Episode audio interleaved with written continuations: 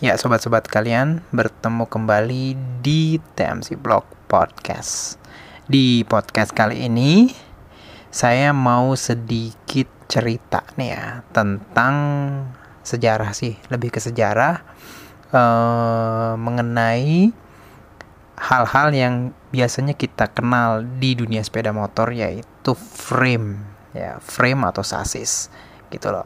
Nah, uh, dulu tuh sempat kayak yang pernah saya pernah lihat gitu ya kan seperti kita ketahui frame uh, twin spar ya atau perimeter frame yang ada di kayak Yamaha Fiction atau Yamaha R15 atau Yamaha MT15 itu kan uh, dinamakan oleh Yamaha sebagai Delta Box gitu kan ya.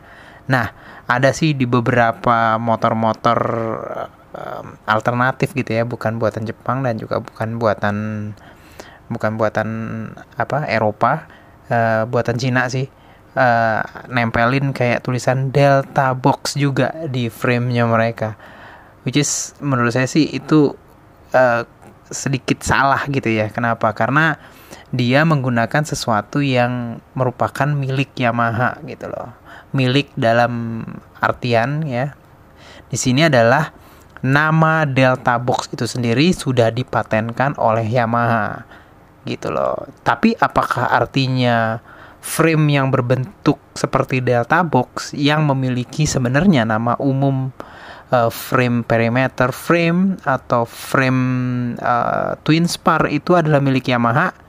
Siapa sih sebenarnya yang menemukan frame ini? Nah, ini adalah hal-hal yang mau kita bahas di podcast kali ini. Nah, jadi seperti itu sob.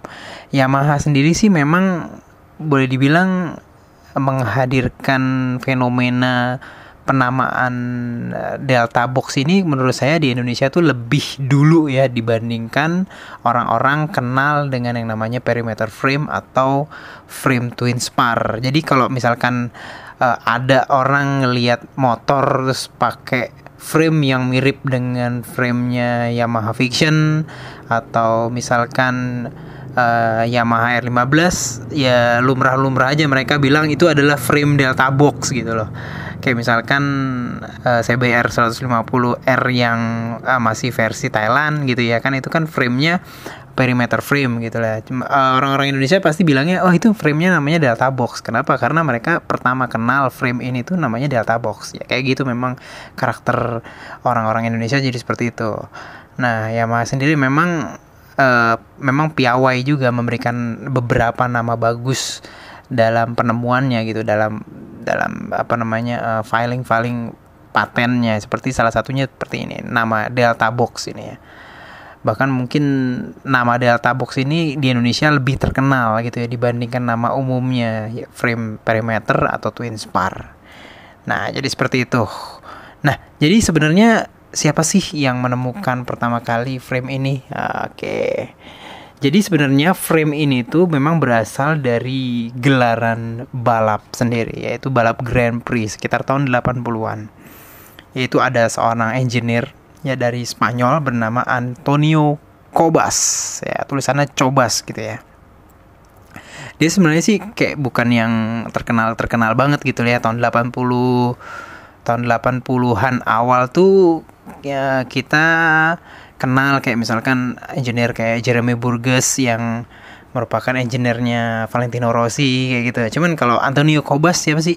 nggak ada yang kenal gitu mungkin ya. Karena ini mungkin sebenarnya dia adalah uh, engineer yang biasa pada saat itu tuh membuat motor-motor 125 dan 250 cc sekitar segitu.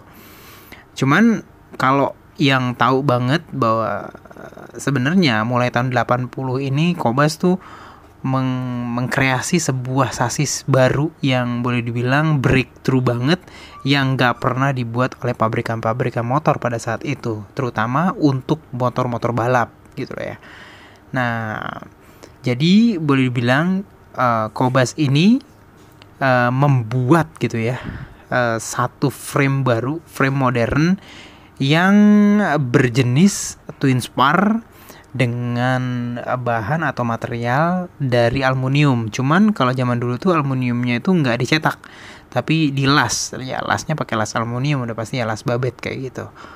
Nah, jadi seperti itu. Dan setelah itu dia tuh kayak yang beda sendiri gitu ya. Kenapa? Karena karena pabrikan-pabrikan lain tuh menggunakan frame-framenya tuh masih frame yang uh, uh, backbone terus masih pakai masih pakai apa namanya material dari uh, tube atau turbular terbuat dari baja gitu loh. Nah, kenapa uh, kira-kira si Antonio Kobas ini berpikiran mengenai frame perimeter ini? Kenapa? Karena pada saat itu tahun 80-an mulai terjadi revolusi dalam ulik mengulik mesin sehingga mesin-mesin motor tuh jadi semakin lebih punya performa tinggi. Nah, gitu kan. Jadi powernya nambah, torsinya juga nambah. Nah, menurut riset saya dari berbagai literatur, peningkatan kemampuan riset mesin ini ya mau nggak mau harus dibarengi dengan handling yang baik, bannya juga mesti gripnya juga lebih baik, suspensinya juga lebih baik dan sasis gitu ya. Kenapa? Karena semakin gede revolusi apa namanya uh, performa, jadi dia harus dibarengi dengan sasisnya juga kuat gitu ya. Karena memang powernya juga lebih kuat gitu ya. Lalu dari revolusi ulik mengulik mesin hadirlah revolusi-revolusi lain setelah itu baik dari sasis, uh, suspensi, maupun hal-hal yang lain gitu lah sampai misalkan sekarang gitu ya yang ter terakhir di dunia MotoGP itu lebih ke revolusi kayak misalkan kita tahu kayak aerodinamika, aerodinamika.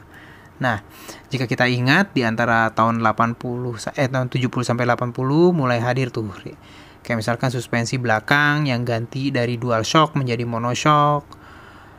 Kayak gitu. Lalu ada perkembangan sasis juga kayak misalkan bagaimana uh, flatbird gitu ya sasis-sasis flatbird yang 50-50 apa namanya uh, distribusi bobotnya gitu ya. Sementara di awal-awal pembuatan sasis itu biasanya mereka tuh lebih uh, membuat motor itu condong lebih condong lebih berat ke arah belakang agar ban belakang bisa mendapatkan traksi atau grip dengan aspal lebih bagus gitu loh. Jadi seperti itu sob. Jadi memang revolusi-revolusi di part-part motor itu mengikuti awalnya dari hasil revolusi yang hadir di mesin. Gitu ya. Sasis tadi kita udah bicara uh, sempet digantikan sebentar dengan feather bed ya feather bed gitu ya 50-50% lalu nah si Antonio Kobas ini berpikiran bahwa uh, kenapa apa namanya sasis yang jenis turbular ini jadi kayak misalkan harus uh, tiap jadi semakin tahun tuh semakin rentan gitu lah rentan crack rentan retak karena memang mesin yang ditempel di sasis ini jadi makin makin ganas gitu loh. Lagi pula uh, baja atau besi baja itu memiliki satu sifat karakter yang yang namanya fatigue limit gitu fatigue. Jadi itu ada kayak batas dari fatigue-nya dia kelelahan. Jadi baja itu punya punya titik lelah gitu ya. Jadi kalau udah masuk titik lelah itu maka dia itu kayak punya karakter yang udah bukan kayak baja lagi gitu. Jadi gampang crash gampang sorry bukan gampang crash gampang crack retak dan segala macam lah. Oleh sebab itu setelah itu hadir kayak las-lasan yang makin tebel untuk bisa me menutupi permasalahan dari mesin-mesin uh, yang makin powerful tersebut gitu loh. Makin tebel, makin tebel gitu loh.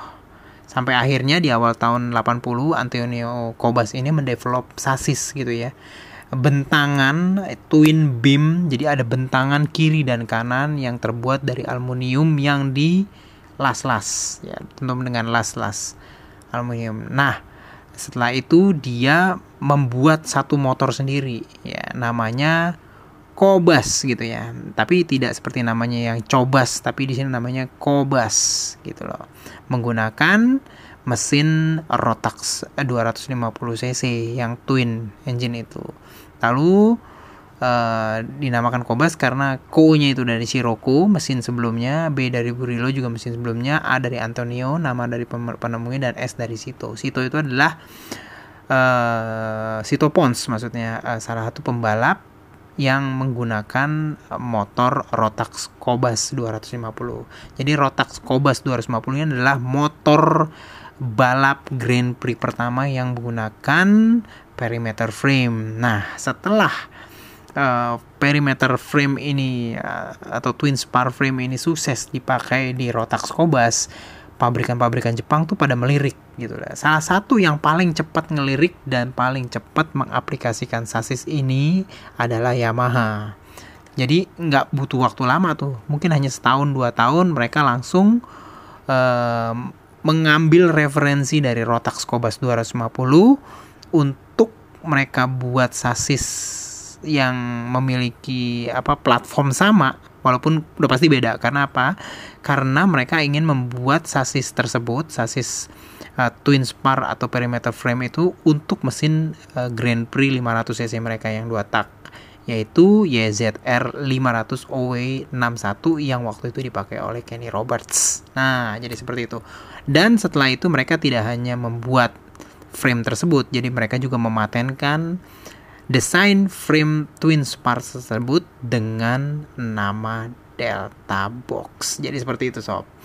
Jadi memang kelahiran awal dari perimeter frame atau twin spar frame dengan kehadiran Delta Box itu nggak jauh nggak jauh nggak nggak ngambil jeda yang lama gitu ya karena memang uh, Yamaha pada saat itu cukup apa reaktif dan eh, maksudnya cukup cukup cepat tanggap gitu loh dalam meng, apa, melihat bahwa frame ini tuh punya banyak kelebihan bila dipakai di mesinnya mereka gitu. Jadi seperti itu sob.